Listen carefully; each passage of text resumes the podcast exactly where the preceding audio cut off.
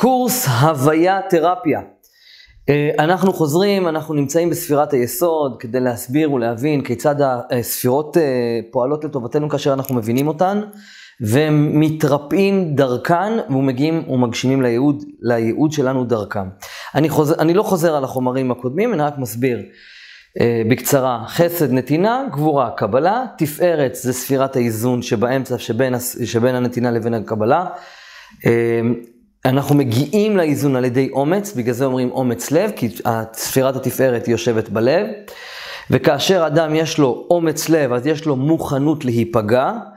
אה, אדם שיש לו מוכנות להיפגע, אז הוא הולך עם האמת שלו, לכן ספירת התפארת נקראת גם ספירת האמת. יש לנו, ולכן, ולכן אומץ לב זה המפתח להגיע ל"ואהבת לך כמוך", אומץ לב הוא המפתח להיות מאוזן בין נתינה לבין קבלה. ספירות הטקטיקה, ספירות נצח ועוד, הן ספירות ממזריות. הן הספירות שאומרות, אני, בוא, בוא קח אה, שקל, בוא, בוא קח איזה פיתיון, אבל אני אתן לך, אבל, אבל בפנים יש עונש. או הפוך, בוא קח, אה, אה, בוא, אני אעניש אותך, אני כועס עליך, אבל בעצם המטרה שלי לטובתך. זה ספירות שהן, כאילו יש להן, הן נתינה במטרה לקבל, או קבלה, כאילו אגו, גאווה, אבל במטרה להשפיע. זאת אומרת, זאתי נתינה נקי, זאתי קבלה נקי, זאתי קבלה בעל מנת לתת, וזאתי נתינה בעל מנת לקבל. זאת אומרת, הן טקטיקות. ו, אה, וכאשר אנחנו מאזנים אותן, או מה שנקרא בשפה החרדית, מביאים אותן לקדושה, כלומר משתמשים בתכונות האלה, אנחנו לא יכולים לבטל תכונה בנפש שלנו, אנחנו יכולים רק לאזן אותה. אדם לא יכול לבטל את האגו שלו.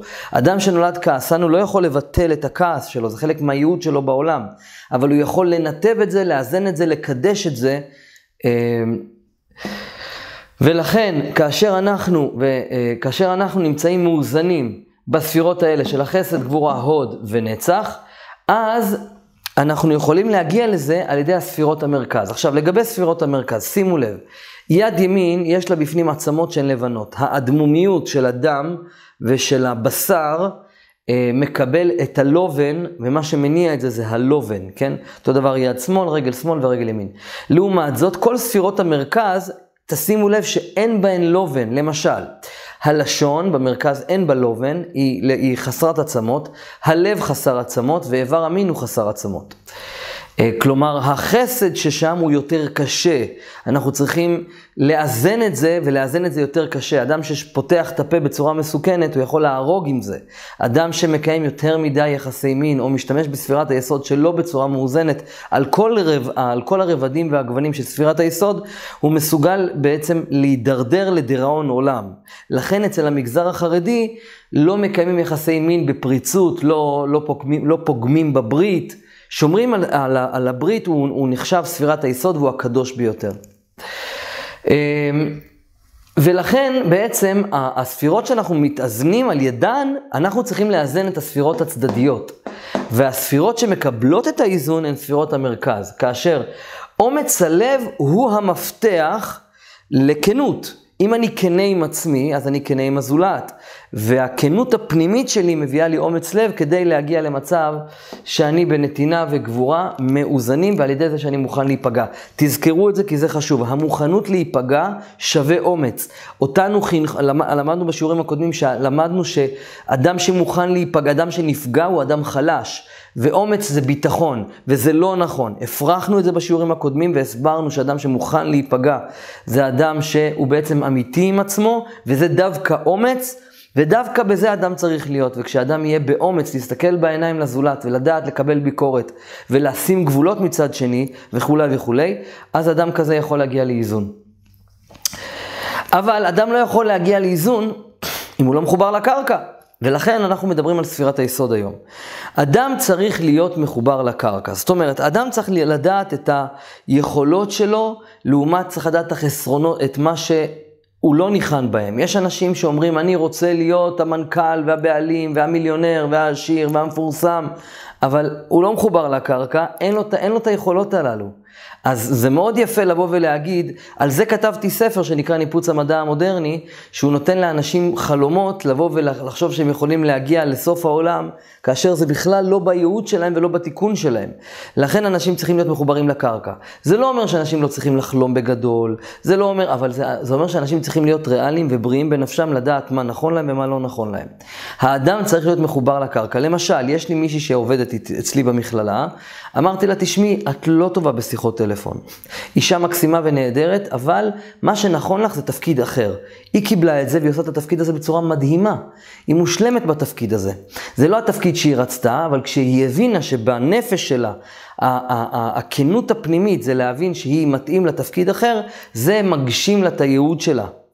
וגם אתם, הרבה אנשים רוצים להיות מפורסמים, עשירים, מיליונרים, טה-טה-טה-טה-טה, זה לא נכון להם. אז הם לא מחוברים לקרקע למעשה. אנחנו צריכים להיות מחוברים לקרקע. החיבור לקרקע, הוא יכול להיות שאדם צריך להיות מאוד גבוה, מאוד רחוק, מאוד מוצלח מבחינת העולם הזה, כן?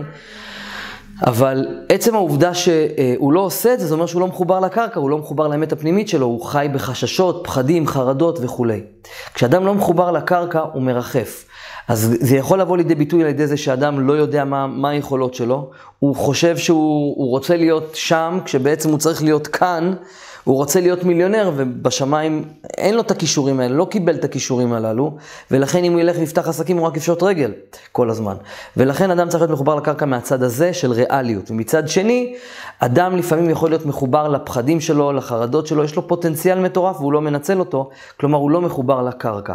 החוסר חיבור לקרקע מאפשר לנו גם לרחף ולחלום גדול מדי על דברים שהם לא, הם, הם לא, הם לא קשורים אלינו, ומצד שני, החוסר חיבור לקרקע יכול להיות מצב שאדם אין לו קרקע יציבה והוא בחוסר ביטחון עצמי, הוא בחרדות, פחדים, חששות, ולכן האיזון של ספירת היסוד הוא איזון שבעצם הוא הכרחי כדי להגשים, תכף אנחנו נבין רגע למה. עכשיו, איך מאזנים את ספירת היסוד? ספירת היסוד אומרת שאנחנו צריכים להיות מחוברים לעצמנו ולקרקע ולהיות קשובים לאינטואיציה הפנימית שלנו. אנחנו לא צריכים להיות פרוצים בעריות.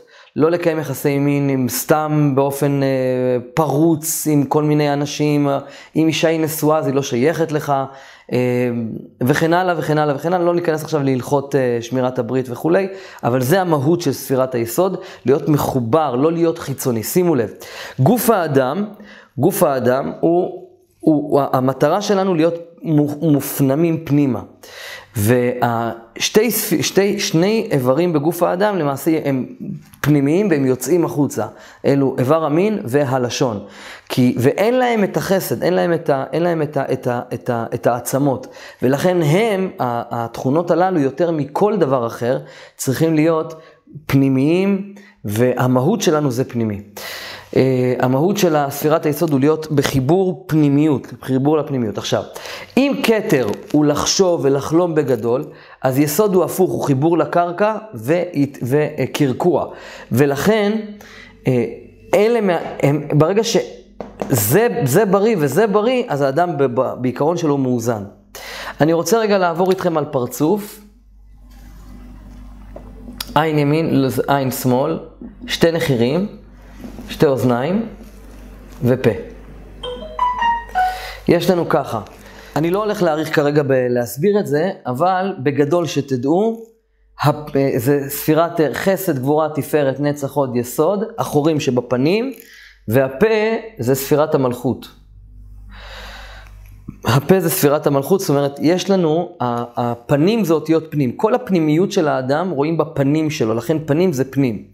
וכל הספירות שיש לנו בגוף האדם, הן גם נמצאות בפנים שלנו. והאיזון הם גם שם, לכן אנחנו שומרים על העיניים, לחרדים שומרים על העיניים וכולי וכולי.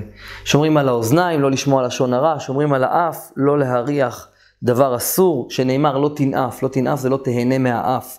אל תריח ריח של בושם של אישה שלא שייכת לך. אה, ולשמור על העיניים, אל תסתכל על אישה שלא שייכת לך, אל תהיה בתאוות שלא שייכות לך וכולי. אז זה כבר תורה אחרת, אנחנו נלמד את זה בהזדמנות, אה, וה, והפה זה ספירת המלכות. וכאשר אדם שומר על המלכות, שזה בעצם סמל, כל, כל אלה אמרנו שאין להם אה, עצמות. כשאדם שומר על הכל, אז הוא מגיע למצב שנקרא מלכות. כשאדם מחובר לקרקע, הוא מגיע למלכות. מלכות זה בעצם התוצר הסופי של כל הספירות שלו. עכשיו תראו דבר מדהים. אם האדם בנתינה אבל לא יותר מדי, יש לו הערכה עצמית, הוא לא מפחד להיפגע, הוא מכבד את עצמו ואת הזולת, הוא יודע לשים גבול לאחרים, האדם הזה יש בו טקטיקה, הוא לא טיפש, הוא לא תמים, אף אחד לא ירמה אותו, הוא יודע לתת והוא יודע לקבל, והוא יודע להיות ממזר כשצריך, אבל בקדושה, בלי לרמות. כתוב שאחד הדברים, השאלה הראשונה שנשאל אדם כשהוא נפטר מן העולם, אחרי שלפני שהוא עושה גלגול נוסף, או עובר בגן עדן, גיהנום וכולי, שואלים את הנשמה, האם נשאת ונתת באמונה? אה, להיות במשא ומתן באמונה זה ספירת הוד ונצח, וזה שילוב בעצם של חסד וגבורה. וכאשר אדם הוא בכנות, הוא באומץ לב, הוא גיבור, הוא לא מפחד מאף אחד, אין לו, הוא לא, הוא לא מתבייש מאף אחד, הוא אומר את האמת שלו, הוא לא מתבייש להגיד לבן אדם, לא, זה לא מתאים לי עכשיו, טה טה טה. הוא בטקטיקה והוא מתוחכם ומחושבן כמו שצריך, והוא מחובר לקרקע. שהוא יודע מי הוא ומה הוא שווה, ומצד שני הוא כנה עם עצמו, לדעת מי הוא ומה הוא לא שווה ומה לא נכון לו, אדם כזה מגיע למצב של מלכות. הכל נשפך אל ספירת המלכות. ספירת המלכות שהכל נשפך אליה היא למעשה הייעוד של האדם. ועל זה אני רוצה לדבר איתכם עכשיו. אנחנו בקורס הוויה, המטרה שלי, כמו שפרסמתי, הרי אתם רכשתם את קורס הוויה, ואני אמרתי שקורס הוויה הוא קורס מעשי. התיאוריה היא נחמדה, אבל אני, אם, תז... אם אתם זוכרים את הפרסום, הוא הלך ככה. המטרה של קורס הוויה הוא ללמד אתכם כיצד לטפל בעצמכם ולצאת מטפלים. אתם מקבלים תעודה של, אה, של מטפלים בשיטת הוויה תרפיה, שכוללת בתוכה מטפל במאסטר ב-NLP, אתם מקבלים תעודה של מאסטר ב rebirthing, מטפל ב rebirthing, מנחה בדמיון מודרך, אה, של מתקשר ומדיום, אה, מאסטר ב-NLP, מאסטר rebirthing ומטפל בשחזור גלגולים. ו, אה, ומטפל בשיטה שנקראת DNA Connection. כל אלו זה נחמד, אבל אם אתם זוכרים את הפרסום, כלומר אתם תהיו מומחים, אתם תהיו מומחים לתת מודע, אתם תהיו מומחים לעל מודע, לשרשרת הנשמות שאיתם הגעתם לעולם, מה אתם צריכים לעשות כאן, ומה אתם צריכים, ואיך לאזן את עצמכם כדי להיות מאושרים, על ידי זה אנחנו פותחים את צינורות השפע בבריאות, בפרנסה, בתקשורת אישי, בין אישית וחיצונית. ובזוגיות. אמרנו את זה, אמרנו את זה בפרסום, והנה עכשיו אנחנו יכולים לראות את זה. כאשר אדם נמצא מאוזן בנתינה ובקבלה, אף אחד לא ידרוך עליו. אם יש לו אומץ, אומץ אמיתי, הוא יוכל, אה, אה, אה, בכנות פנימית, היא תדע להגיד לא לגבר שהיא לא מעוניינת בו, או אפילו להתחיל עם גבר שהיא מעוניינת בו, או להבדיל, גבר יש לו אומץ והוא מקבל ביטחון עצמי, להיכנס פנימה ולדעת מי הוא ומה הוא שווה. אדם שמחובר לקרקע לא, למשל, לא, ילה, לא יעשה דברים שלא שייכים אליו. אז כאשר אנחנו מאוזנים בכל זה, אנחנו מושכים אל עצמנו את השפע המדויק לנו בפרנסה למשל. אני יודע בדיוק איזו עבודה נכונה לי ומדויקת לי, ומה הגבולות שאני צריך לשים, וככה אני אקבל את מה שמגיע לי, ואני נלחם על מה שמגיע לי. ואותו דבר בזוגיות, אותו דבר אה, בפרנסה, בבריאות, בכל דבר. כי אם, תכף אנחנו נדבר על בריאות, איך אנחנו משלבים את הכל בבריאות, אבל בעיקרון זה תקשורת בריאה. וכשאנחנו בתקשורת בריאה עם עצמנו ועם הזולת, התדר שלנו מדויק. התדר שלנו מדויק. כאשר אנחנו פה מחוברים לקרקע עם אומץ לב ובכנות פנימית, בנתינה מדויקת, בקבלה מדויקת, אנחנו לא ממזרים מדי, וכשאנחנו ממזרים זה בצורה נכונה לנו ולזולת, אז אנחנו בתדר, התדר שלנו מדויק. מה קורה כשהתדר שלנו מדויק? אנחנו מושכים אל עצמנו קרמה חוזרת של תדר מדויק. ומה זה קרמה חוזרת של תדר מדויק? ייעוד, שפע, מזל, ברכה, פרנסה, בריאות, זוגיות, עושר, שמחה, שלווה, ניצחון, ניצחון של החיים.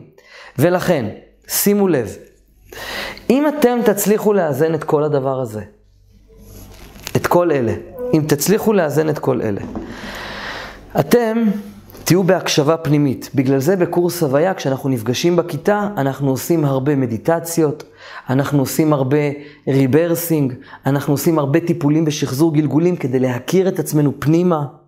ומשיעור לשיעור, ממש משיעור, ממפגש למפגש בכיתה, אנחנו מכירים את עצמנו יותר. בגלל זה אמרנו שאצלנו כל הידע הוא מוגש בחינם באינטרנט, אבל אי אפשר באמת להבין מה, מהתיאוריה מי אתם, מה הסיבה שנבראתם לעולם. זה מה שאנחנו עושים בכיתה. ואני רוצה שתהיו מרוכזים עכשיו כדי להבין את הקטע הבא. מה זה ייעוד?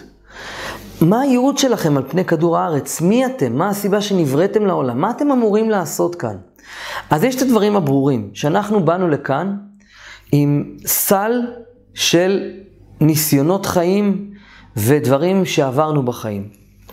הדבר שיש לנו תשוקה מאוד גדולה להיות בו, זה דברים שעשינו בגלגול הקודם, שזה היה חלק מהייעוד שלנו.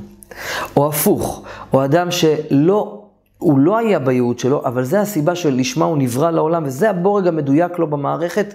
כשבן אדם נוגע בזה, כשהוא עושה את זה, זה התשוקה הגדולה ביותר של אותו אדם.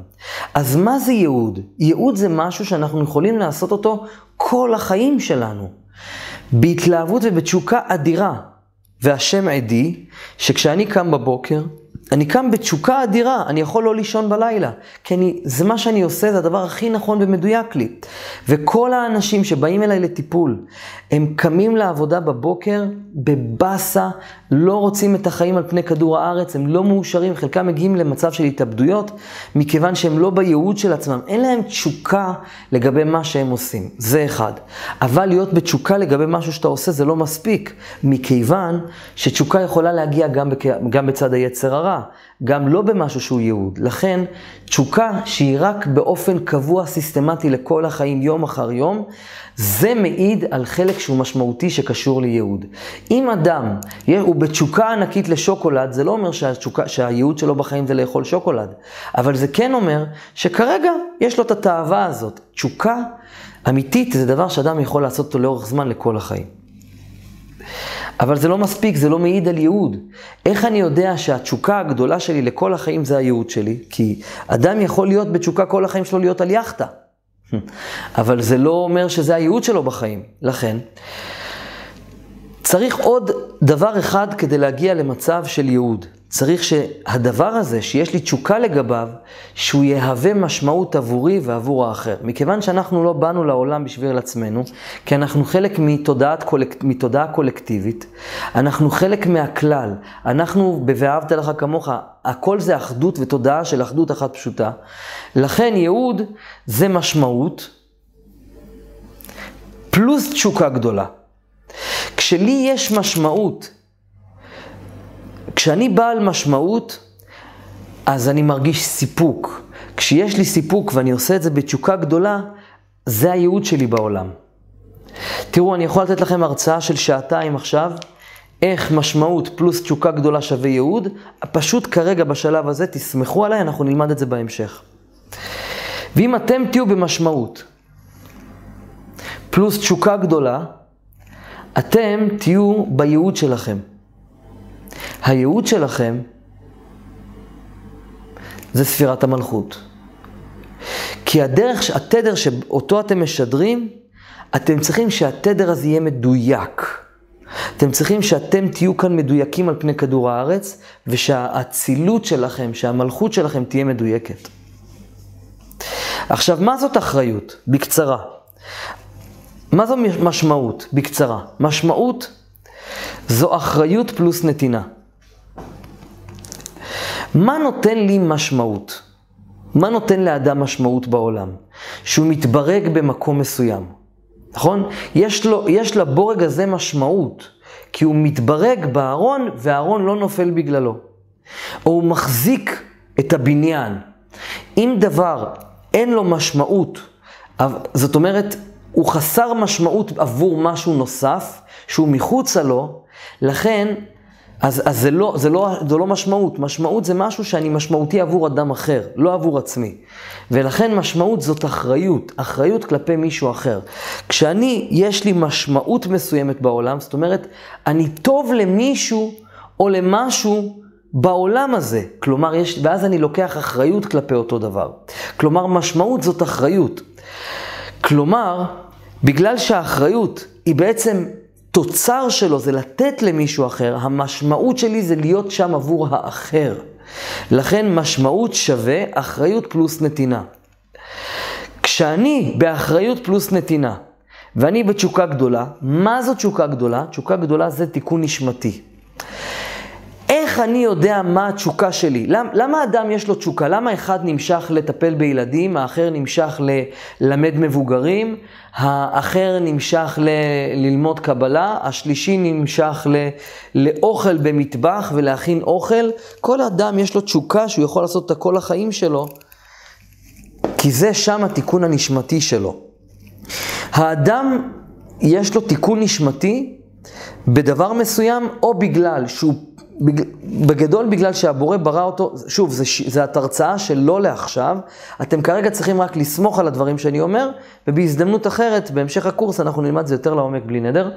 הרעיון שבעצם התשוקה הגדולה היא, הנשמה שלנו, ששוכנת בתת המודע, היא יודעת מה התיקון של האדם. הנשמה היא אלטרואיסטית, היא רוצה להגיע לתודעת האחדות, לתודעת השלם, להעלות את כל העולם ל... לתיקון עולמי, וכל אדם יש לו, כל אדם יש לו תפקיד בלתקן את כל העולם כולו.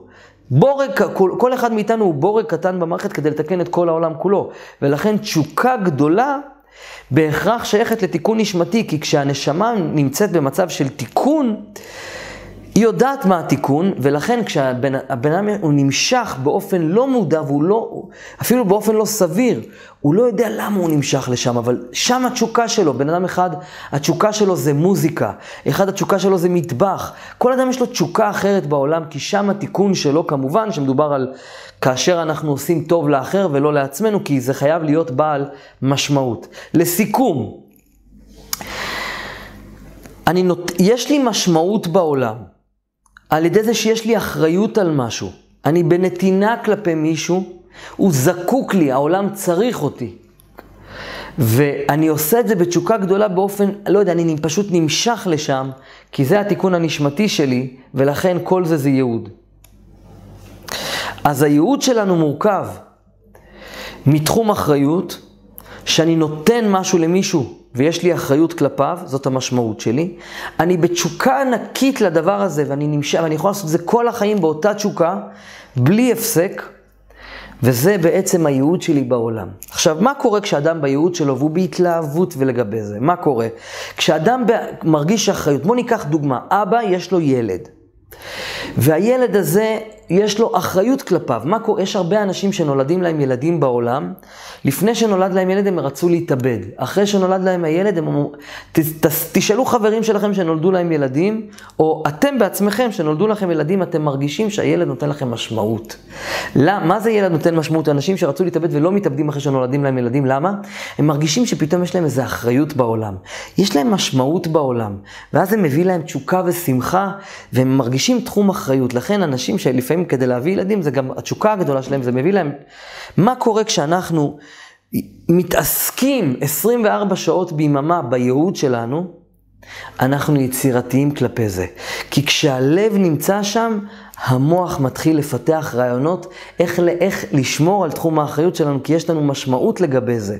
זאת אומרת, כשאני במשמעות ותשוקה גדולה, ואני בייעוד שלי, אני מתחיל לפתח רעיונות איך לשדרג את העולם הזה שאני נמצא בו. וכשאני משדרג את העולם הזה, אני בעצם מפתח כלים נוספים שלא קיימים בעולם. אני אסביר למה אני מתכוון.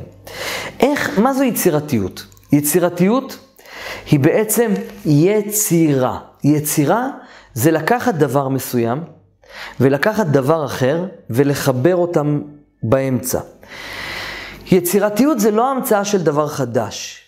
יצירתיות זה תמיד, תמיד לקחת משהו קיים ועוד דבר קיים, וליצור ממנו דבר חדש. האנשים ש... שהמציאו את ההמצאות הגדולות ביותר בעולם, למעשה לקחו שני תחומים שהם שונים אחד כלפי השני, וחיברו אותם יחד ויצא דבר חדש. למשל, בואו ניקח את מה שאנחנו חיים בו בעידן של עצמנו. למשל, Waze. Waze זה בסך הכל מפת דרכים פלוס רשת חברתית. ואז אנחנו יכולים לתקשר בינינו ולהזהיר אחד את השני ולהתכתב אחד עם השני תוך כדי, או להקליט וכולי. אה, מה עוד? פייסבוק. פייסבוק היא למעשה אה, רשת חברתית עם ספר וטיימליין של עצמנו. ו- וכן הלאה וכן הלאה. כל דבר שלמעשה הומצא בעולם, שהומצא בעולם, הטלפון הסלולרי, הוא כולל בתוכו גם טלפון וגם מצלמה וגם משחקים. הוא לא משהו חדש, אלא הוא שילוב של דברים קיימים. כלומר, יצירתיות זה השילוב של מידעים ויצירה אחת כוללת, זה יצירתיות וזו חדשנות. חדשנות זה לא צריך להביא רעיונות מהעין, אלא מדברים שקיימים. עכשיו, איך, איך יוצרים שני דברים ומלכדים אותם לתוד... לדבר אחד? על ידי זה שיש לנו השראה. מה מביא לנו השראה?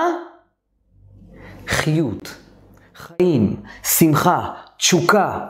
זאת אומרת, אז מה קורה כשאנחנו ביצירת, ב, ב, ביצירתיות? למעשה יש לנו השראה לעשות דבר נוסף, אנחנו בעלי השראה. ולכן, כשאנחנו בייעוד של עצמנו, אנחנו משדרגים את התחום הזה שאנחנו עובדים בו ונמצאים בו. למשל, אם נגיד, יש עכשיו בחורה שהייעוד שלה זה לטפל בילדים, או בחור שהייעוד שלו בעולם זה לטפל בילדים. אם נגיד אותה בחורה, היא מטפלת בילדים בתשוקה ענקית, היא מרגישה שיש לה משמעות כי יש לה אחריות על הילדים האלה. מה קורה לאותו אדם? מה קורה לאותה אישה? היא מתחילה לפתח רעיונות איך לשדרג את התחום האחריות שלה ולטפל יותר טוב. ואת התחום האחריות שלה כדי להקל על זה. איך נוצרו הדברים הגדולים ביותר בעולם? אנשים שרצו להק... אה, אה, לשדרג את המקצוע שהם נמצאים בו, וככה נוצרו פטנטים, חדשנות, ככה נכתבו ספרים, ושד... וככה העולם השתדרג. זאת אומרת שמשמעות פלוס תשוקה גדולה שווה ייעוד. וכשאדם מקיים את זה, יש לו יצירתיות. היצירתיות היא חיבור בין שני דברים, ואתם זוכרים מה זה חיבור בין שני דברים? זה תודעת אחדות.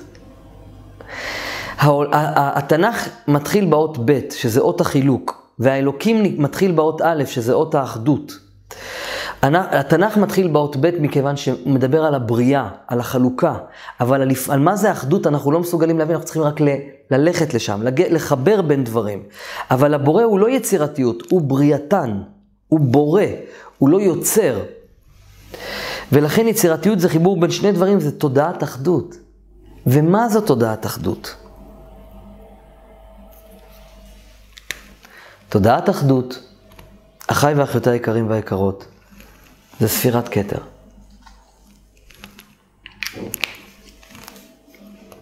המטרה שלנו היא להיות כאן ב"ואהבת לרעך כמוך", כדי שאנחנו נהיה עבור הזולת כאן, ולא עבור עצמנו, לא באגו. אנשים טועים לחשוב ש"ואהבת לך כמוך" זה להיות פראייר. זה לא. האדם צריך להיות גיבור וחזק. כמו שאני נותן בחינם המון מידע באינטרנט, אבל מי שבא אליי לכיתה צריך לשלם, ואדם צריך לדעת מתי להיות בחסד ומתי להיות בגבורה, ואדם צריך לעורר השראה, כך גם בעצם, כשאנחנו מאזנים את הכל, כשאנחנו מאזנים את הכל, אנחנו שופכים את הכל, אנחנו שופכים את הכל לספירת המלכות. אנחנו ישראל. ישראל זה ישר אל. מה ההבדל בין גוי לבין ישראל? אני לא מדבר על יהודים או גויים, כן? אנחנו למדנו את זה. מה ההבדל בין ישראל לגוי? גוי, כלומר עם, אדם אחר שהוא לא ישראל, מה ההבדל בין כל אדם בעולם לבין ישראל? ישראל יכול להיות גם מי שלא יהודי, למדנו את זה. זה בכלל תובנה אחרת של המציאות. כל אדם, נגיד, בואו ניקח לדוגמה את ההודים שמלמדים את הצ'קרות. הם מלמדים איך האדם מושך אורות מלמעלה למטה, כדי לקבל אורות ולאזן את נשמתו, וכדי שיהיה מאושר. כל הזמן הם מדברים על הזן, שאדם צריך להיות מאושר.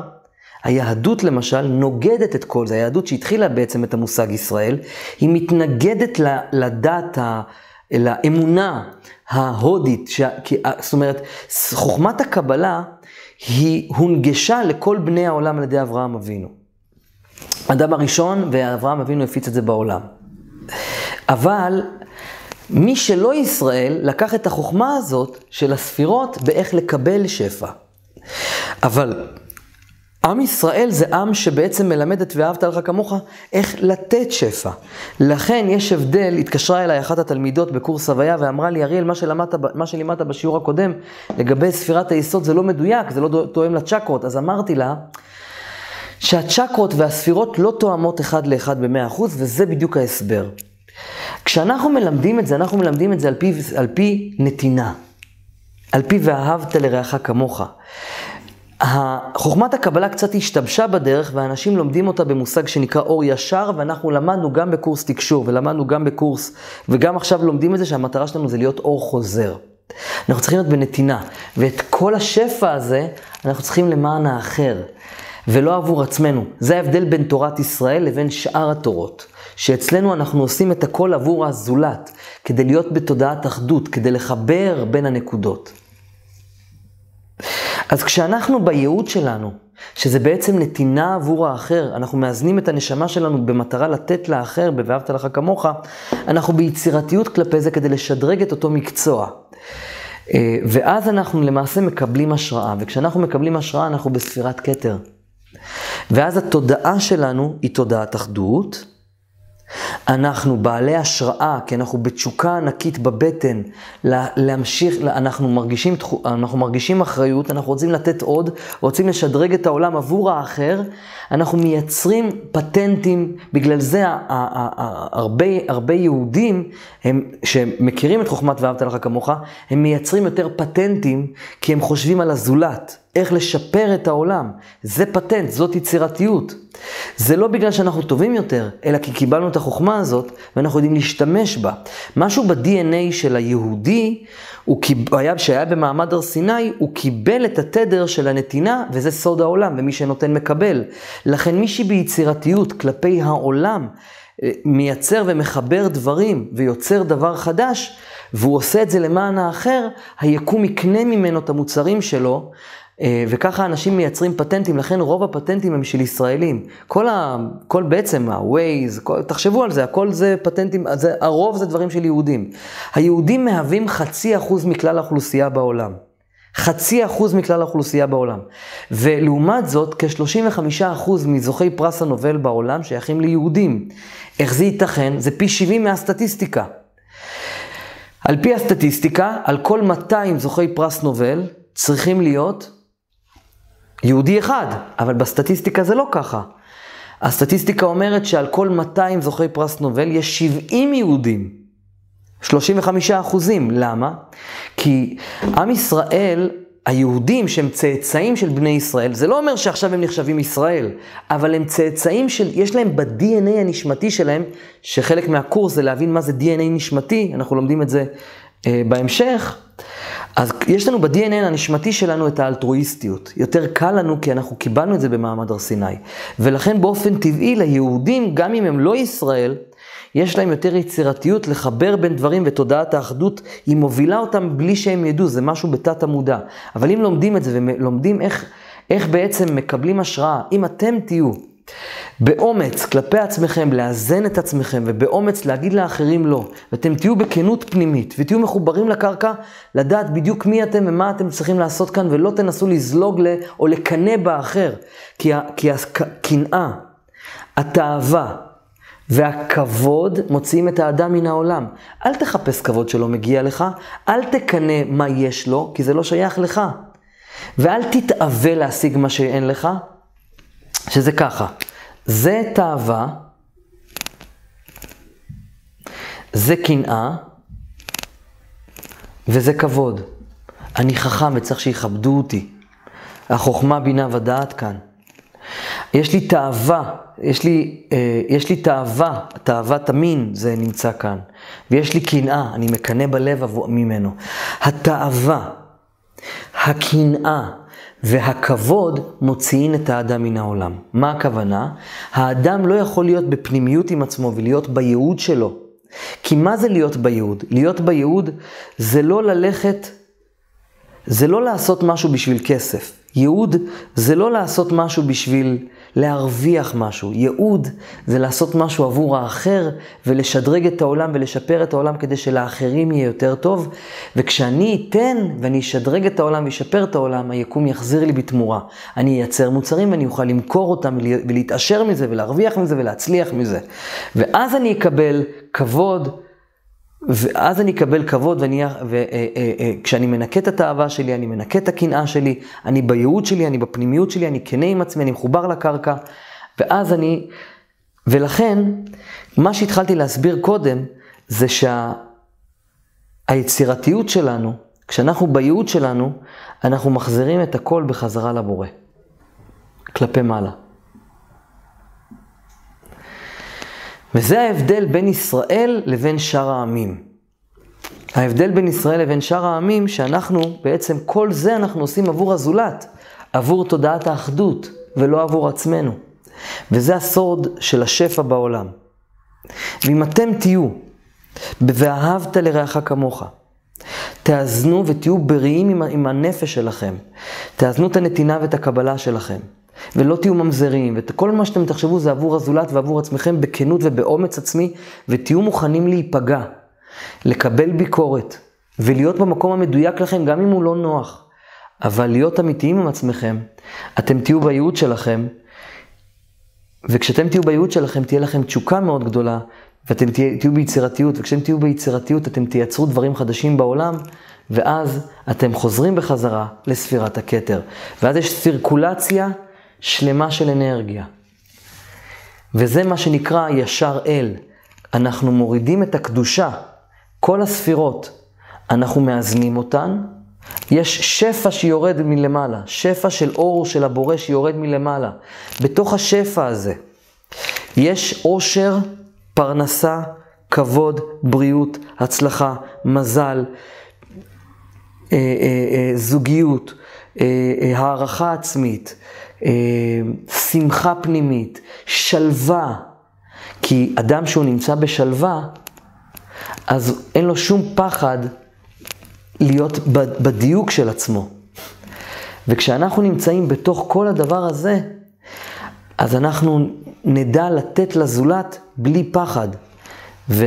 ואז יש לנו סרקולציה מלאה ושלמה של אנרגיה, ואז אנחנו מאושרים, כי יש לנו ייעוד ומשמעות בעולם. בפרסומים, ולכן אה, אה, בישראל, ישראל זה ישר אל, זה לקבל את השפע הזה של הבורא, של כל השפע. כולל פרנסה, כולל זוגיות, כולל בריאות, כולל תקשורת בין אישית וחיצונית.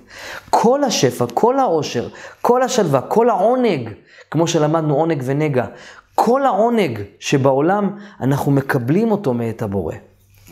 אבל כדי, אנחנו, כשאנחנו לא מפחדים מהשפע, ואנחנו נותנים לשפע לזרום דרכנו בקלות, אנחנו מגיעים לייעוד שלנו. כי אנחנו בכנות פנימית ובאומץ לב. וכשאנחנו עושים את זה, אז אנחנו מוציאים מעצמנו כלפי הזולת אור. אנחנו מייצרים משהו טוב בעולם. וכשאנחנו מייצרים אור בעולם, אנחנו מייצרים אור חוזר אל הבורא כלפי מעלה. והאור החוזר נקרא ישר אל. זה הסוד של בעצם ישראל. ליצור, להיות בייעוד ולתת לזולת. וכמו שלמדנו בקורס של היסודות הקבלה, וזאת אחת הסיבות שביקשתי מכם ללמוד את קורס, את כל הקורס קבלה למתחילים לפני קורס הוויה, שכל המטרה שלנו כאן בעולם זה לקבל את השפע של הבורא, ואנחנו לא יכולים להחזיר אור לבורא. אז אנחנו מחזירים אור אחד כלפי השני, וזה האושר שלנו. להיות בעלי משמעות, להיות בתשוקה גדולה, להיות בייעוד שלנו, לייצר יצירתיות מעצמנו, לחבר בין דברים, ולחבר בין דברים זה להיות ב- למעשה בתודעת אחדות, ותודעת אחדות זה למעשה לחזור לספירת הכתר. עד כאן חלק אחד. אני 90 אחוז, טוב, אוקיי. אני רוצה עכשיו לחזור, לעבור איתכם על נושא אחר. יש לנו מצוות עשה ומצוות לא תעשה. מצוות עשה זה לתת, לעשות דברים, מצוות עשה. לכבד את הזולת, לעזור לזקנה ללכת ברחוב, אה, להיות בנתינה ואהבה וכולי וכולי וכולי וכולי וכולי. מצוות לא תעשה, זה לא לשקר, זה לא לגנוב, זה לא לרצוח, זה לא לרחל, זה אה, לא לדון לכף חובה, זה לא ללכת עם אישה של מישהו אחר, זה לא לחשוב על אף אחד מחשבות שליליות, זה לא לפחד, זה כל מה, זה מצוות לא תעשה. שימו לב לדבר גדול, מצוות לא תעשה, הן אנרגיה ששומר, ששומרת עלינו. כאשר אנחנו מקיימים את המצוות, יש לנו 613 מצוות עשה ומצוות לא תעשה. תרי"ג מצוות עשה ולא תעשה. כשאנחנו מקיימים את המצוות עשה, אנחנו מאוזנים, אנחנו, אנחנו בנתינה, אנחנו בחסד. כשאנחנו לומדים מצוות לא תעשה, כשאנחנו לומדים מצוות לא תעשה, אז אנחנו בגבורה. אנחנו לא עושים, אנחנו יודעים לשים גבול לעצמנו. אנחנו לא משקרים, אנחנו שמים גבול לעצמנו מה מותר לנו ומה אסור לנו. כשאנחנו מדויקים בתדר, ואנחנו אנשים טובים, ואנחנו נזהרים מלא לקנא באף אחד, לא להיות בתאווה כלפי אף אחד, אנחנו מכבדים כל אדם, מכבדים את עצמנו, אוהבים כל אדם, כולל את עצמנו, אנחנו לא מקנאים באף אחד, אנחנו לא בתאווה, אנחנו בתאווה נורמלית כלפי האישה שלנו או הגבר שלנו, ולא זולגים לצדדים. וכאשר אנחנו שומרים על הלב שלנו במצוות עשה ומצוות לא תעשה, אנחנו מדויקים. כשאנחנו מדויקים, היקום מחזיר לנו דיוק, ועל ידי זה אנחנו בייעוד שלנו כל הזמן, ואז אנחנו משפרים את העולם, משפרים את עצמנו, מקבלים משמעות ועולים בתודעה גבוהה יותר, ואז אנחנו מבינים את המשמעות שלנו יותר בעולם, ואז זה מתרחב, ואנשים מכירים אותנו יותר, אנחנו מקבלים פרסום, כבוד, אהבה, שמחה, זה לא קשור לכסף, זה קשור למילוי האחר, ולתת לאחר, זה אושר אמיתי. אה, אחת התלמידות בשיעור הראשון של קורס הוויה או בקורס תקשור, אני אמרתי שאין אושר גדול מאשר לתת. הסתכלה עליי מהצד בעין אה, ככה, אה, כאילו מה זה, וזה בגלל שהיא לא מבינה, כי ה... היא עדיין בתודעה מצומצמת, היא עדיין באגו, אבל אם היא לא תתפתח ותבין שאין אושר כמו לתת, והיא תפסיק לחשוב רק על עצמה ועל האגו שלה, אם לא, היא פשוט תסבול מהשיעורים. כמו שלמדנו. זהו, עד כאן. אז מצוות עשה ולא תעשה שומרים עלינו, שומרות עלינו להיות בייעוד שלנו. הייעוד שלנו זה האושר שלנו, וכדי להיות בייעוד שלנו, אנחנו צריכים לאזן את כל הדבר הזה. מה שאנחנו, נעשה, מה שאנחנו נעשה בשיעורים הבאים בקורס הוויה, כשאנחנו ניפגש בכיתה, אנחנו נתחיל לאזן את הדברים האלה ואנחנו נעבוד עם מדיטציות, אנחנו נעשה rebirthing, אנחנו נעשה, נעשה טיפולים בשחזור גלגולים למה שאנחנו צריכים לעשות כאן בעולם. אחד בא ל, ל, לקורס ואומר, אני רוצה לטפל היום בשפע, אה, בפרנסה, אחד אומר על הבריאות, אחד אומר על זוגיות, אחד אומר על התקשורת, על החרדות, על הפחדים. אנחנו עושים עבודה בכיתה, זה מה שעשינו עד היום ולמדנו גם לתקשר. בשיעורים הקרובים הבאים אנחנו לא, לא, לא נעשה את מה שעשינו עד היום, rebirthing, טיפול בשחזור גלגולים, דמיון מודרך, אלא אנחנו נתחיל ממש ממש לאזן כל ספירה וספירה על ידי לימוד, הכוונה, שיתוף אחד של השני ומדיטציות וכלים עוצמתיים שבניתי לכם לקורס הזה. ואז אנחנו נתחיל לעבוד ברובד של תת המודע, אנחנו נתחיל ללמוד NLP על תת המודע, איך זה עובד, ונטפל בילד שלנו הקטן, על ידי גם מדיטציות וכלים שאני עשיתי, אנחנו נתחלק לזוגות ונעשה את זה בכיתה, ובנוסף לזה אחר כך אנחנו נעשה, אנחנו אה, בהמשך של קורס הוויה, אה, הוויה תרפיה, אנחנו אה, אנחנו נלמד קבלה מעשית. כלומר, אנחנו נלמד לעשות טיפול ברייקי, אבל עם שמות קודש. ועל ידי זה אנחנו נאזן את הנשמה שלנו, ונפתח לעצמנו את צינורות השפע, גם בארבעת התחומים, פרנסה, בריאות, זוגיות ותקשורת בין אישית וחיצונית. אנחנו נפתח את השפע ונהיה באומץ לב ובכנות. אנחנו נהיה מחוברים לקרקע לדעת מי אנחנו ומה אנחנו. מי שיהיה קשוב לקורס הזה ולעצמו ויעשה את הקורס הזה בצורה רצינית, ידע מה הייעוד שלו בעולם, זה אמרתי שאני לא מתחייב, זה תלוי, ב, זה תלוי ב, בדבקות של התלמיד בקורס. שימו לב, תהיו מרוכזים, ככל שתהיו יותר מרוכזים בקורס, תעשו את כל המדיטציות, תקשיבו לשיעורים שלי כמו שצריך, ולא רק כשאתם עושים כלים במטבח, אלא גם כשאתם ממש צופים ומבינים את העניין הזה לעומק, אתם תוכלו להיות בייעוד שלכם, כי הקורס הזה הוא קורס מעשי, לנקות אתכם מבפנים, ואז אתם תגיעו לגדולות ונצורות. אתם תעשו את זה על ידי זה שאתם עושים rebirthing, עושים טיפול בשחזור גלגולים, הופכים למתקשרים, אתם לומדים אה, אה, איך להנחות את עצמכם בדמיון מודרך, להגיע לאמת של הפנימית שלכם, לעשות לעצמכם טיפולים ב-NLP, ואיך לעשות לעצמכם רייקי קבלי, שזה אנחנו נלמד בסוף הקורס, ואת ה-DNA הנשמתי, על ידי טיפול בשחזור גלגולים, אתם תראו את הגלגולים הקודמים שלכם, ומה השיעורים שאיתם הגעתם, ואז אתם תדעו מה הייעוד שלכם, ומפה הדרך לאושר ולהצלחה שלכם מובטחת. נתראה בשיעורים הבאים, תחזרו על השיעור הזה.